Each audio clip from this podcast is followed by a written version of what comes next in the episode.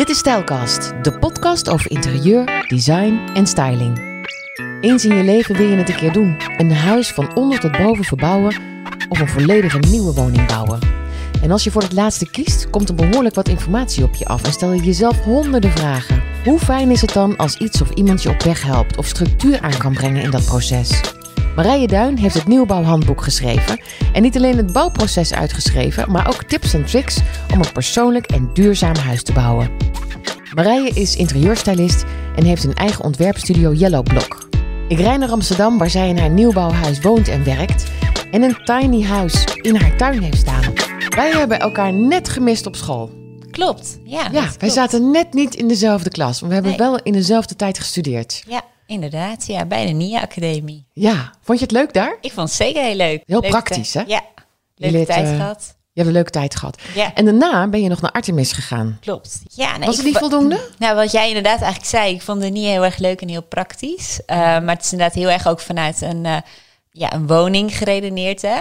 Maar wat ik daarin nog wel miste, was toch een beetje wat meer conceptueler en misschien nog iets dat je jezelf wat meer creatief uitdaagt.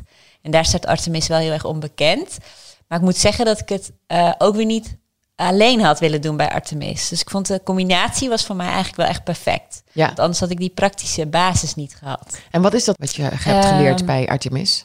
Ja, ik denk dat je gewoon ook heel erg nadenkt over ja, wat, wat gebeurt er in de wereld om ons heen. Wat, ja, waar, waar zijn behoefte aan bij consumenten is ook heel erg trendgericht. Ehm, en dat je vanuit daaruit dan gaat nadenken van ja, hoe kan ik daarin een bijdrage leveren? Dus hoe kan ik met mijn kennis of mijn, ja, waar kom ik vandaan? Hoe kan ik daarin een eh, rol spelen? Word je daarin ook echt gestimuleerd? Ja, Want je ja. had natuurlijk al best wel wat eh, werkervaring opgedaan. Ja, en dat vinden zij juist. eh, weet je wel, sommige mensen die denken van ja, wat ik eerder in het verleden heb gedaan, van ja, dat, dat, dat, eh, dat is niet relevant, maar dat is juist relevant. Want daar komen eigenlijk de mooiste dingen eigenlijk uit. Ja, ja zoals ik in de, in de media heb gewerkt heel lang. En nu media en interieur met elkaar Ja. vermeng. Ja, dat is een super mooie combinatie. Een hele mooie combinatie. Ja. En misschien wel weer iets waar de interieurwereld behoefte aan heeft. Ja, want als iedereen maar hetzelfde blijft doen, Ja. Ja, dan komen heel veel mooie leuke samenwerkingen ook uit. Ja. Kan ik je vertellen. ja, nee, dat is toch prachtig. En eh, ja, bij jou is het eigenlijk een ultiem voorbeeld van hoe je twee dingen met elkaar hebt gecombineerd. En ja, dat probeer ik dan eigenlijk ook te doen. En dat probeer ze bijvoorbeeld ook bij Artemis heel erg te stimuleren. Dat je heel erg kijkt van ja, wat kan ik al? Wat wil ik nog leren? En hoe kan je dat met elkaar combineren? En wat was hetgeen wat jij nu dan erbij combineert? Ik heb eigenlijk een eh, achtergrond in bedrijfseconomie. En ik heb daarna een aantal jaar in de retail gewerkt. Eh, ik heb bij de Sting, bij Blokker gewerkt en bij L'Oréal. En daarin werkte ik eigenlijk altijd aan eh, procesoptimalisaties. Eh, dus was ik eigenlijk altijd bezig om te kijken van nou, hoe lopen commerciële processen in de organisatie. Ja, wie doet wat? Hoe kunnen we dat verbeteren? Misschien dat mensen elkaar niet goed begrijpen of dat er miscommunicatie is. En vaak heeft het ook wel een ICT-element om te kijken van nou ja, hoe kunnen we dingen ook efficiënter maken? Nou, dus daar was ik eigenlijk altijd mee bezig. Dus ik was een soort interne consultant en dan ging ik altijd met allerlei mensen praten om te kijken van nou, hoe zij uiteindelijk hun werk konden verbeteren. Dus ik vond het heel erg leuk om met uh, procesoptimalisatie bezig te zijn. Maar de uitwerking was niet zo creatief. Ehm, was heel, ja, wat ik al zei. Het lag ook vrij- niet bij jou.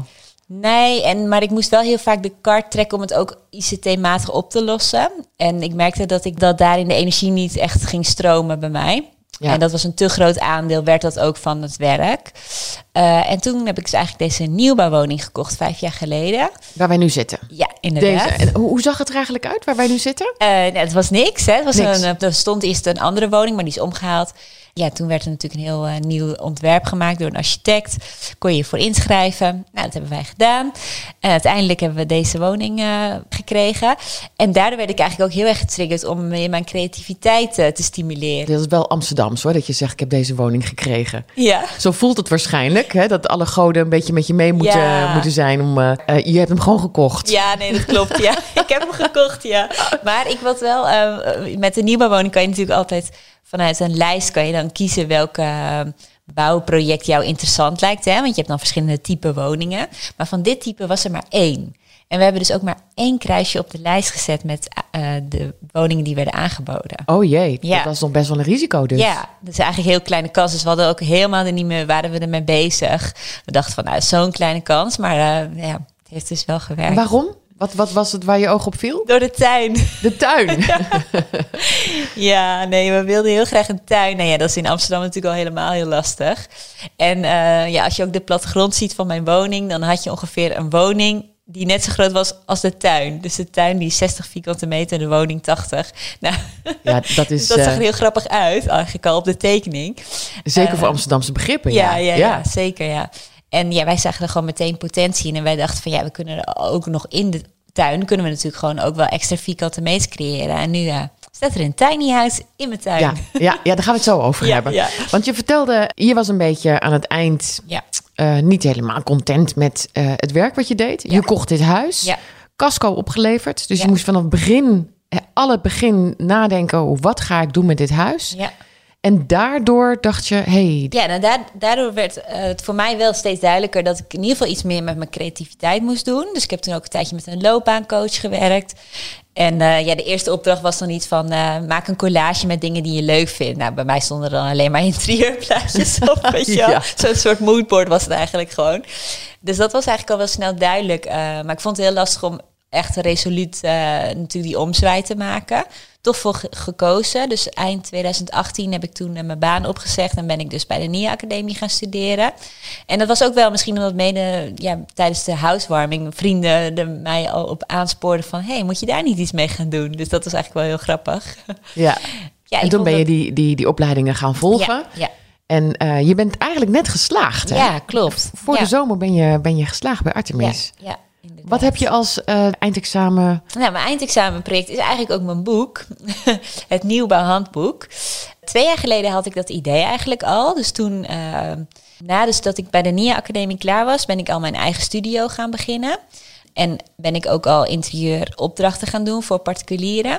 En ben ik eigenlijk dat parttime gaan doen en parttime de studie bij de Artemis verder eh, gaan volgen.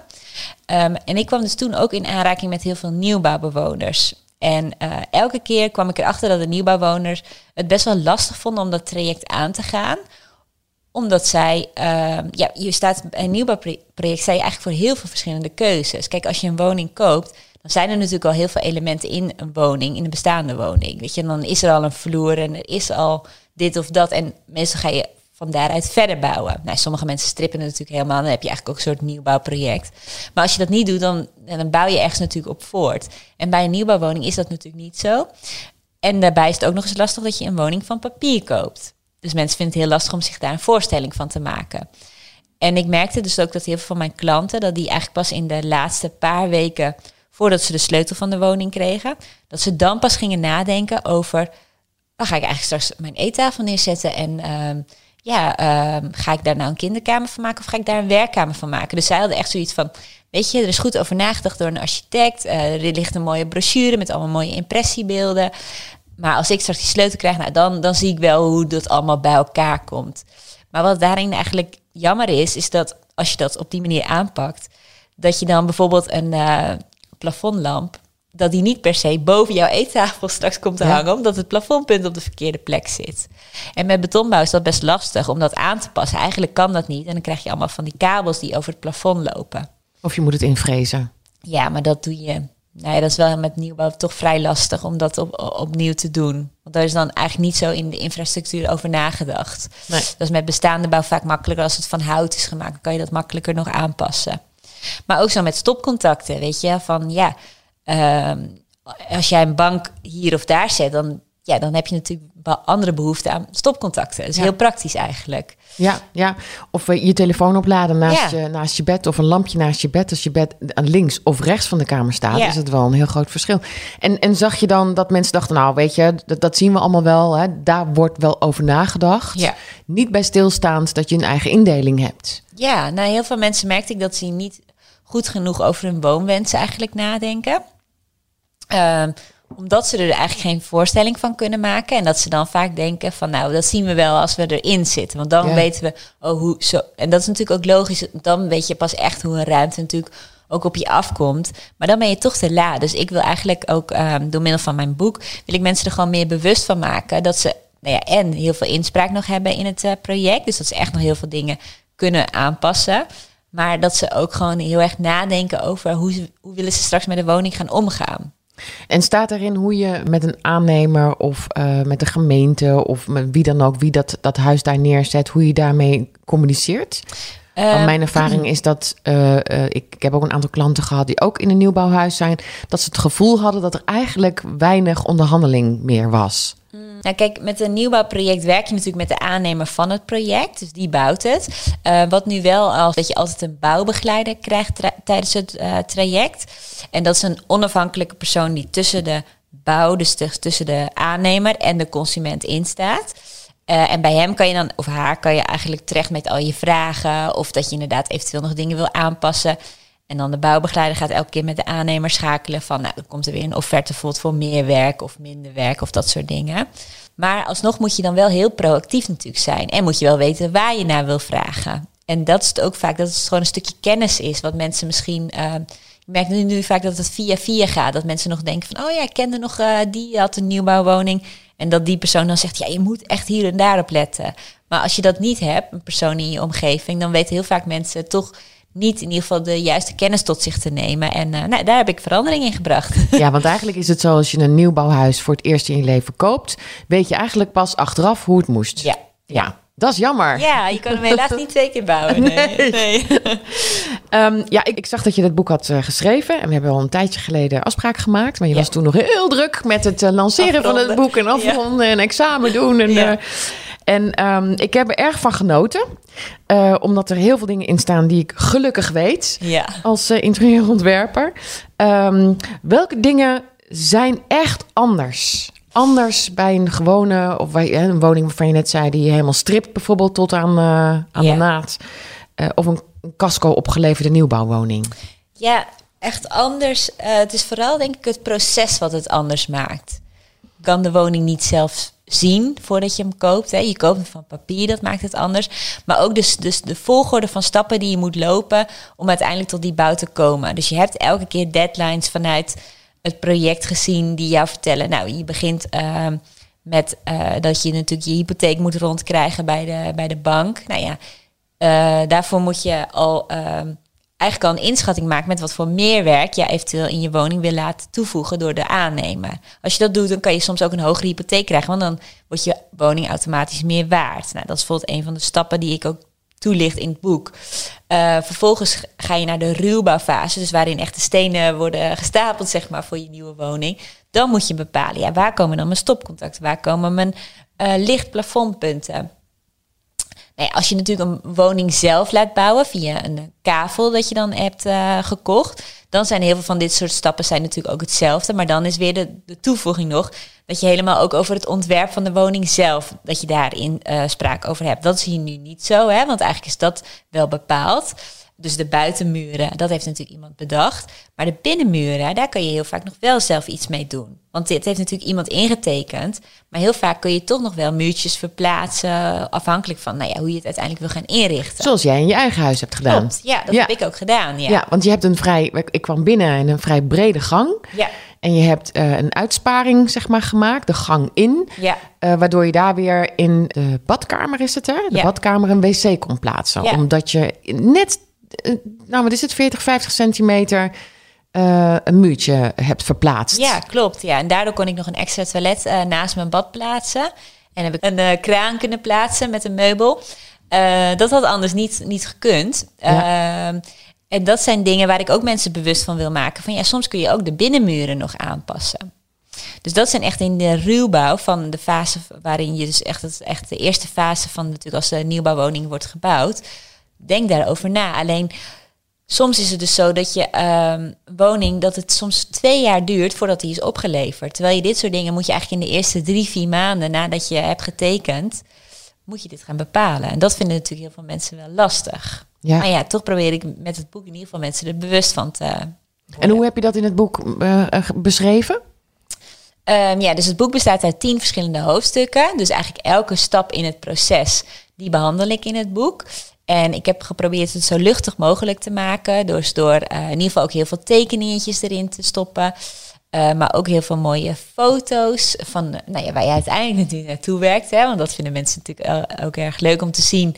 Van nou, zo kan het uiteindelijk gaan worden. Eh, en ik heb ook nog een samenwerking gezocht met Gerrit Jager. Hij is een cartoonist. En hij heeft ook voor mij een aantal mooie cartoons gemaakt. Dus elke hoofdstuk trapt ook af met een cartoon. En dat is eigenlijk een beetje een satirische wijze om het hoofdstuk in te luiden. Dat je nog wel even achter je oren krabt van... oeh ja, daar moet ik wel echt even over nadenken. Dus dat je niet je stopcontacten ergens... Uh, nou ja, weet ik het wat. Uh, nou ja, wat ik ook letterlijk dus bijvoorbeeld heb meegemaakt, is dat ik bij iemand kwam en die had een haspel naast zijn eettafel staan. Nou, dat hebben we dan ook in de cartoon verwerkt. Ah, wat grappig. Ja, dus dat is eigenlijk gewoon een echt voorbeeld. Maar ja, uh, ja. ja nee, dat gebeurt dus echt. Dat dus als de laptop aangesloten moest worden, dan werd de haspel er weer, uh, weer bij ja, gehaald. Want die, die, ja, nu zeker met het thuiswerken, iedereen zit aan zijn eettafel. Als je daar geen stopcontacten hebt, ja, dan moet je wel wat natuurlijk. Ja, ja. kun je ook te veel stopcontacten hebben? Mm, nou ja, dan wordt het natuurlijk minder vrij. Ja. Dus alsnog zitten natuurlijk. En ik moet wel zeggen dat elk stopcontact wat je wilt toevoegen, dat kost ook best veel geld. Ja. Want het meerwerk is niet goedkoop. Dus nee, uh, ja. ja. Maar goed, je kunt in plaats van één stopcontact op een plek drie stopcontacten maken. Ja. Zo heb ik het opgelost in mijn, uh, in mijn huis. En dat blijkt nu ook wel van belang. Want naast mijn bed bijvoorbeeld heb ik een lampje. Ik heb mijn laptop en ik moet mijn telefoon nog opladen. Ik kan via een laptop, maar liever doe ik dat. Dus ja, drie stopcontacten is helemaal niet zo raar tegenwoordig nee, naast zeker. je bed. Maar als je het allemaal op één stopcontact aansluit, dan heb je natuurlijk wel minder krachtstroom. Dat is waar. Dus dat is voor sommige apparaten die trekken dat niet.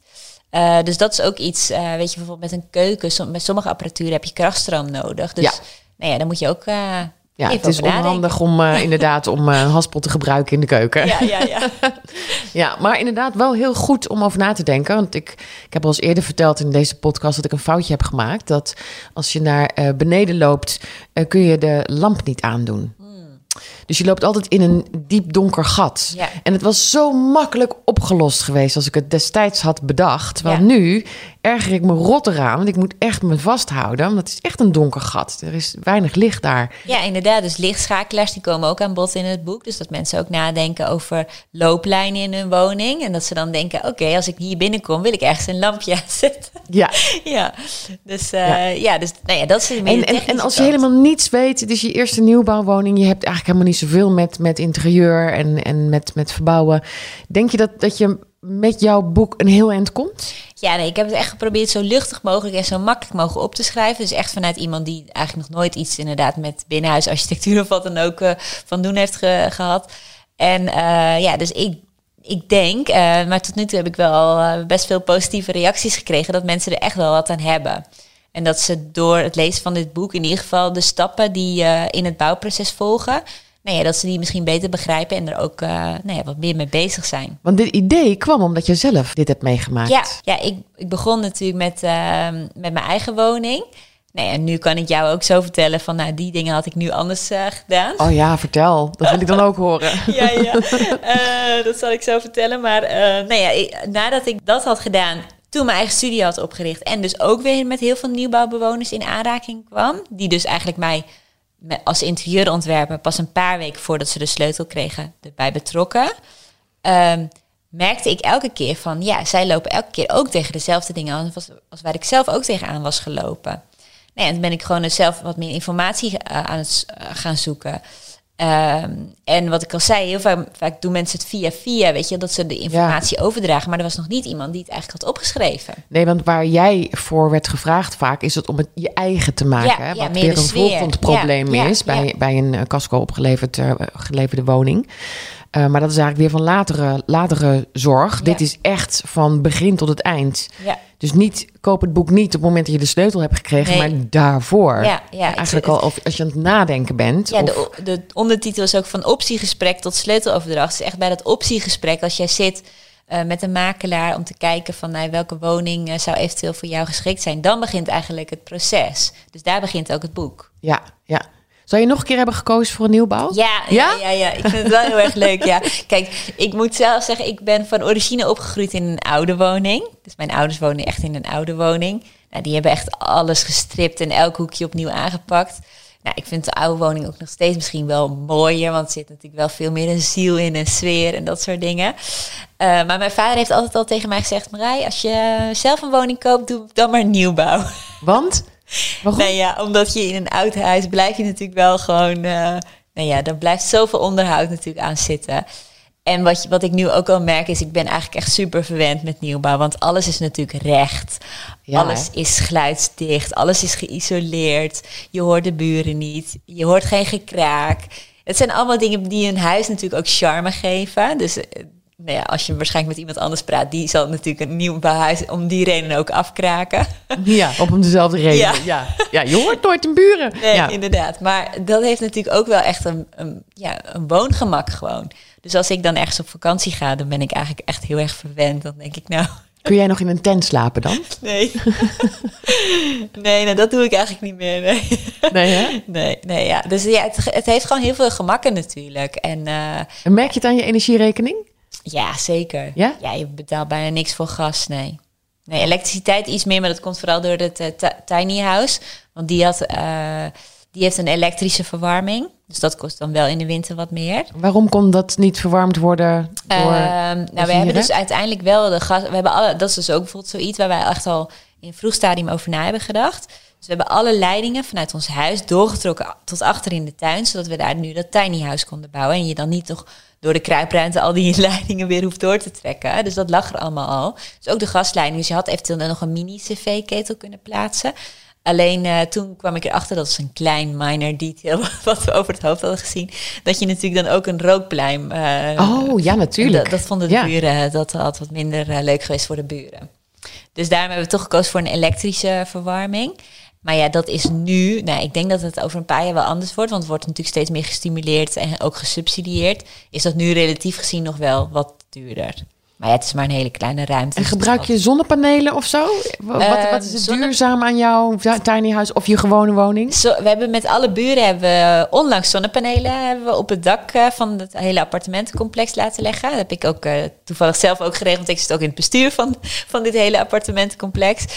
Eh, dus dat hebben we wel gezamenlijk. Ehm, maar ik denk vooral het duurzame van deze woning toen het werd gebouwd, is vooral natuurlijk de isolatiewaarde. Waardoor je eigenlijk bijna geen gas verstookt. We hebben ook een inductie. Weet je, dus je kookt ook niet met gas. Maar ik moet zeggen dat nu eh, in de nieuwbouw zelf zijn de ontwikkelingen wel weer dat het weer nog duurzamer is geworden. Want nu werken ze natuurlijk alleen nog maar met de warmtepomp. Ja. Dus ik heb dan nog wel een cv-ketel, wel met vloerverwarming. Maar dat wordt nu al niet meer gedaan. De nieuwbouwprojecten die echt een jaar na mij kwamen, die kregen al eh, warmtepomp. En dan heb je helemaal geen gas meer in je woning. Dat is eigenlijk nog mooi natuurlijk. Ja, wat me nog een beetje door mijn hoofd speelt, hè, is dat je vertelde, eh, van ja, eh, de woning was zo'n 80 vierkante meter en de tuin 60 vierkante meter. Ik zou het heerlijk vinden om een hele grote tuin te hebben. Ja, Als een van de weinige Amsterdammers. Maar jij hebt ervoor gekozen om er toch in te bouwen. ja. Waarom? Ehm, nou, ik vind nog steeds dat de tuin nu nog steeds vrij groot is. Of in ieder geval groot genoeg. Ja, want je hebt nog zeker 40 Ja. vierkante meter over. Ja, ja, het huisje is 20 vierkante meter geworden. Maar ik vind het ook gewoon heel gezellig. Dat je gewoon zo dat aanzicht. Ik zit dus eigenlijk altijd waar jij nu zit. Ja? en dan kijk je zo mooi naar dat huisje. En eh, ja, en soms zit eh, mijn vriend daar met mannen, zit hij daar voetbal te kijken. En dan zit ik gezellig hier. Dus dat heeft eigenlijk ook wel weer een voordeel als je je eh, kamers niet allemaal aangrenzend hebt op je. Zeg maar dat er eh, ruimte tussen zit. Want Dat is eigenlijk ouderwets. ja, weet ik niet. We hoeven altijd bouwden. Ja, misschien. Ja. Nu, want wat ook weer een trend is, bijvoorbeeld een aanleunwoning voor mensen die eh, nee, wat ouder worden. En die komen dan eigenlijk letterlijk weer bij hun, eh, hun, nee, hun dochter of zoon te wonen. En dan middels een aanleunwoning. Dat zou dit ook kunnen zijn. Zie je jij ouders erin wonen? Nou, nu nog niet.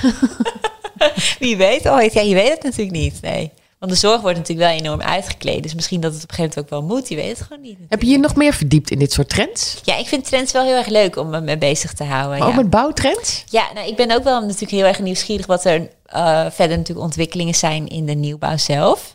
En eh, wat daarin wel heel interessant is, is dat er nu steeds meer houtbouw komt. Want dit is allemaal van beton gemaakt. Ehm, maar eh, een aantal jaar geleden was er op tegenlicht, de uitzending van de VPRO, waarin ik eigenlijk ook heel veel altijd eh, zie van trends. Vind ik een van de leukste programma's die er ook wordt gemaakt. Ehm, dat ze heel erg eh, proberen de eh, bouw te stimuleren om meer met hout te gaan werken. Dus dat noemen ze CBT, cross, cross laminated timber heet het. Dus een soort bouwtechniek waarmee ze met ja, verschillende ja, lagen op elkaar, dat ze een soort van constructies kunnen maken. En het kan ook heel hoog. Ehm, dat was toen ook op de TU, nee, op de Dutch Design Week van 2019 hebben ze dat ook gepresenteerd. En er zijn dus nu al eerste nieuwbouwprojecten in Nederland die dus middels die techniek de huizen laat bouwen. Dus ook in Amsterdam gaat in Noord gaat er nu uh, volgens mij een project van start. Uh, dat is natuurlijk wel interessant. Of dan ook mijn proces wat ik hier heb beschreven, of dat nog steeds helemaal klopt. Dus dat Ja. ga ik natuurlijk binnenkort ga ik daar natuurlijk wel even achteraan om te kijken of dat ook zo is. Nou, tot nu toe heb ik wel het idee dat nog steeds de processtappen hetzelfde zijn. Maar in de uitwerking heb je dan natuurlijk ook qua look en feel... heb je natuurlijk veel meer met hout te maken. Terwijl beton heeft natuurlijk heel erg de uitstraling van dat het wel heel erg kil is. Dus zeker voor interieurdesign heeft dat wel echt eh, zijn consequenties. Want wat zou je aan de binnenkant kunnen zien van zo'n houtstructuur? Ja, ook dan zie je ook de... Ja, dan heb je niet zoals, zoals dit dat het van beton is. Gestukte betonnen, ja. Ja. En ja. dat- dat zie je nu ook wel veel. Dat mensen natuurlijk juist allemaal houten latten in hun eh, woning willen. Omdat het gewoon natuurlijk veel meer warmte geeft. Maar ik ben wel geïnteresseerd ook in de discussie. Want ik zag dat ehm, ja, de mensen die meer van betonbouw zijn... die zeggen van ja, het is leuk dat, dat ze daar nu mee bezig zijn. Maar die zeggen dat... eh, qua, als je kijkt naar een duurzaamheidsperspectief, dat eh, zo'n houtbouw een soort coating nodig heeft, waarbij het eh, nog steeds brandafwerend genoeg is. En die zeggen van ja, beton heeft juist de mooie kwaliteit dat je hier bijna niet hoeft te stoken, omdat het eh, heel erg geïsoleerd is. En dat schijnt dan weer met houtbouw minder te zijn. Dus dan moet je weer meer, ja, dan is het misschien duurzamer om het te laten bouwen. Maar dan heb je van binnen dat het, eh, ja, dat het sneller de 100 weer jaar dat dat gebouw Ja. staat, is dan weer minder duurzaam. Ja, dus dat vind ik wel interessante discussies. En waarschijnlijk zal de waarheid ergens in het midden liggen. Eh, maar die volg ik in ieder geval wel tot, eh, op de voet. Wat ja. leuk. En je hebt het ook een paar keer gehad over de vervolgstappen nadat je dan, eh, hè, waar jouw jouw boek over gaat, Ja, ehm, eh, het nieuwbouwhandboek. ja, Het vervolgstap is natuurlijk inderdaad dat, je, dat er een stylist wordt gevraagd, maak het ons eigen. ja. Wat staat er in dit boek daar al over in? Ja, nee, ja, dus er zijn natuurlijk ook heel veel mensen die dat er niet voor over hebben of dat niet kunnen betalen. Dus daarin heb ik natuurlijk ook getracht om zoveel mogelijk eh, mensen te helpen om, om een sfeer te creëren in de nieuwbouwwoning. Want mensen zeggen natuurlijk heel vaak van ja, het is een soort betonnen doos of een, een woning zonder ziel. Dat is een beetje de stereotype die mensen hebben als het gaat om nieuwbouw. maar het is ook wel een beetje zo, want ehm, ik, ik, ik had er niet zo heel erg over nagedacht hoe jouw huis eruit zou zien. Dus ik kwam hier binnen en dan voel ik inderdaad al wel dat alles recht is. Ik woon in een gebouw van 1895, dus alles krom en scheef. En dus het voelt heel recht en heel statisch. Ja. En dan, eh, je hebt een, een, een houten deur met glas daarin, die mij direct opviel. Ja. Omdat ik dacht, hey, dit is rond, dit is anders, dit is van hout. Ja. Dus het is onbewust toch wel het gevoel dat het allemaal een beetje blokkerig is. En, ja, en, en als er dan iets van hout en rond staat, dat Ja. het direct opvalt. Dus ik denk toch wel dat het ook een beetje de beleving is hoor, van nee, zo'n daar ben ik gebouw. helemaal mee eens. Ja, en het is ook best moeilijk om er echt eh, een ziel eigenlijk in te creëren. Maar door die deur, ik zal hem, eh, ik zal hem fotograferen Ja, en we ja. zetten het op Insta, Ja, dat je het kunt terugzien. Maar die deur maakt hem al wel Ja. als je binnenkomt, hè? Ja, klopt. Ja. Nou ja, dat is dus ook een voorbeeld van nieuwbouw. Je kan nog wel zien dat boven mijn deur, daar zit eigenlijk nog een raampje. En dat is eigenlijk een bovenlicht. En eh bovenlicht is ook echt iets typisch nieuwbouw, wat je altijd, wat je vaak ziet, dat je dan een deur hebt met zo'n raampje erboven. Ja, ik vind dat eigenlijk niet meer echt van deze tijd. Maar heel veel nieuwbouwprojecten werken daar nog steeds wel mee. Eh, nee, dat was, dus, dat was dus iets wat ik had moeten aangeven tijdens de ruwbouwfase. Dus in de eerste maanden van, eh, van het project, dat ik dat dus niet had gewild. Dus toen ik op een kijkersdag kwam, want dat wordt dan wel vaak nog georganiseerd, dat je een paar maanden voordat je de sleutel krijgt, mag je dan kijken hoe, hoe je woning eh, vordert. Toen zag ik ineens al die raampjes boven de deur. Nou, ik dacht echt van nee, wat is dit? Maar toen kon ik dus niet meer terug. Dus nou, de, de oplossing is nu dat er een soort van MDF-platen in zitten. Maar ja, echt vrij is het eigenlijk niet. Want als je naar de deur achter jou kijkt, daar is het wel goed gegaan. Ja. Waarom weet ik niet. Maar dat was de, de uitzondering op de regel. Daar mocht geen bovenlicht in, omdat het de berging is. Maar zo ziet het er gewoon strak uit. Bij die deur dus niet. ja, dat is me nog niet helemaal opgevallen hoor. Nee, ja, ik zie het natuurlijk wel Ja. elke dag. Maar je hebt inderdaad gelijk. Dat, dat soort dingen, die, die, ja, dat is heel erg typisch nieuwbouw. En bij mooie oude huis heb je vaak zo'n mooi glas- en loodraam erin. Of ja, een beetje zo'n zo'n oude paneeldeur of zo. Ja, dat, dat maakt natuurlijk wel een woning. Dus ik probeer daarin ook wel tips te geven. Een van mijn belangrijkste tips is inderdaad wat je zegt. is, is vaak zo'n hele lange, grote, vierkante of rechthoekige ruimte.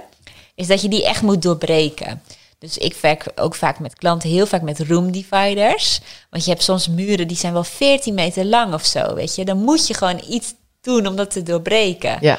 Dus probeer dan ook met kleurvlakken te werken. Ik denk ook in nieuwbouwwoningen dat je veel meer kleur moet toepassen. In oude woningen heb je met die glas en lood heb je vaak al kleur wat, wat, wat er al in zit. Of ja, daar word je al getrokken door dat soort details. Die heb je niet in nieuwbouw. Dus ik denk gewoon werk met kleur, werk met behang. Dan, dan krijg je dat soort details erin. Weet je wat ik hier heb met werken op het plafond? Ja, dat vind ik heel leuk dat je dat hebt gedaan. Ja. Doen maar zo weinig mensen. Plafond. Ja, doe iets met je plafond. Ja. Ehm, maar ja, kijk natuurlijk Rondingen, hè? ik zie ook ja, dat je veel rondingen. rondingen. Wat Ja. je ook zegt in mijn deur, weet je. Maar ook je lamp en ook hier de, de, de, het vlak wat je hebt eh, gekleurd op de muur waar wij tegenaan kijken.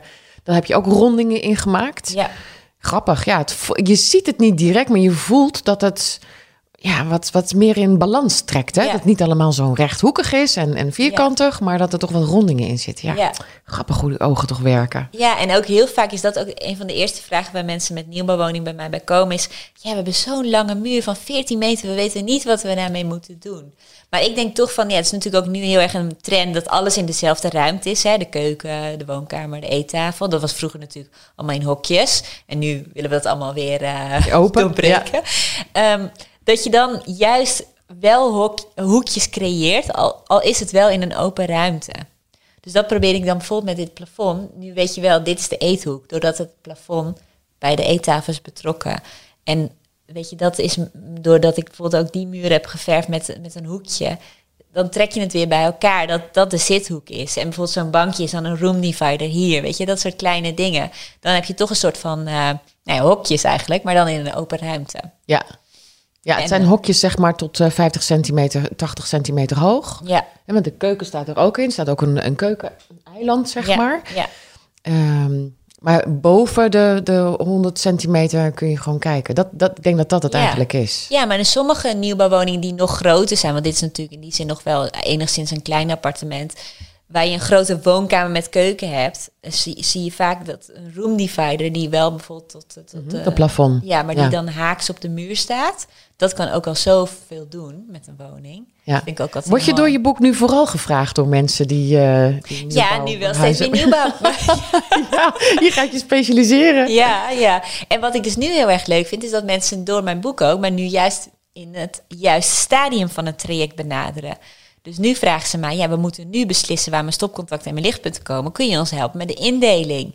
Oh, en ik vind heerlijk. indeling ook eigenlijk vind ik Dat is het ik heel allerleukste. leuk. Ja. Ja. Nou ja, sommige mensen vinden alleen natuurlijk meer van wat voor behangen. Dat vind, vind ik ook leuk. Maar ik vind de, Het hele de basis ja. is gewoon de indeling van wat, Ja. wat komt waar. En dat vind het ik- klopt als het af is. Dat is tof, hè? ja, ja. en ik vind dat ook echt een van de leukste puzzels die er is. Om gewoon net zo lang te schuiven totdat je ook iets origineels Ja. bedenkt. Ja. En iets wat ook efficiënt is. Ja, dat zit toch wel een beetje in mijn bloed. Ik ben toch ook wel iemand die gewoon... eh, ja, vanuit dat, die, denk ik, die proceskennis... dat ik toch ook wel iemand ben die het heel efficiënt altijd wil aanpakken. Ja, dat denk ik ook. Ja.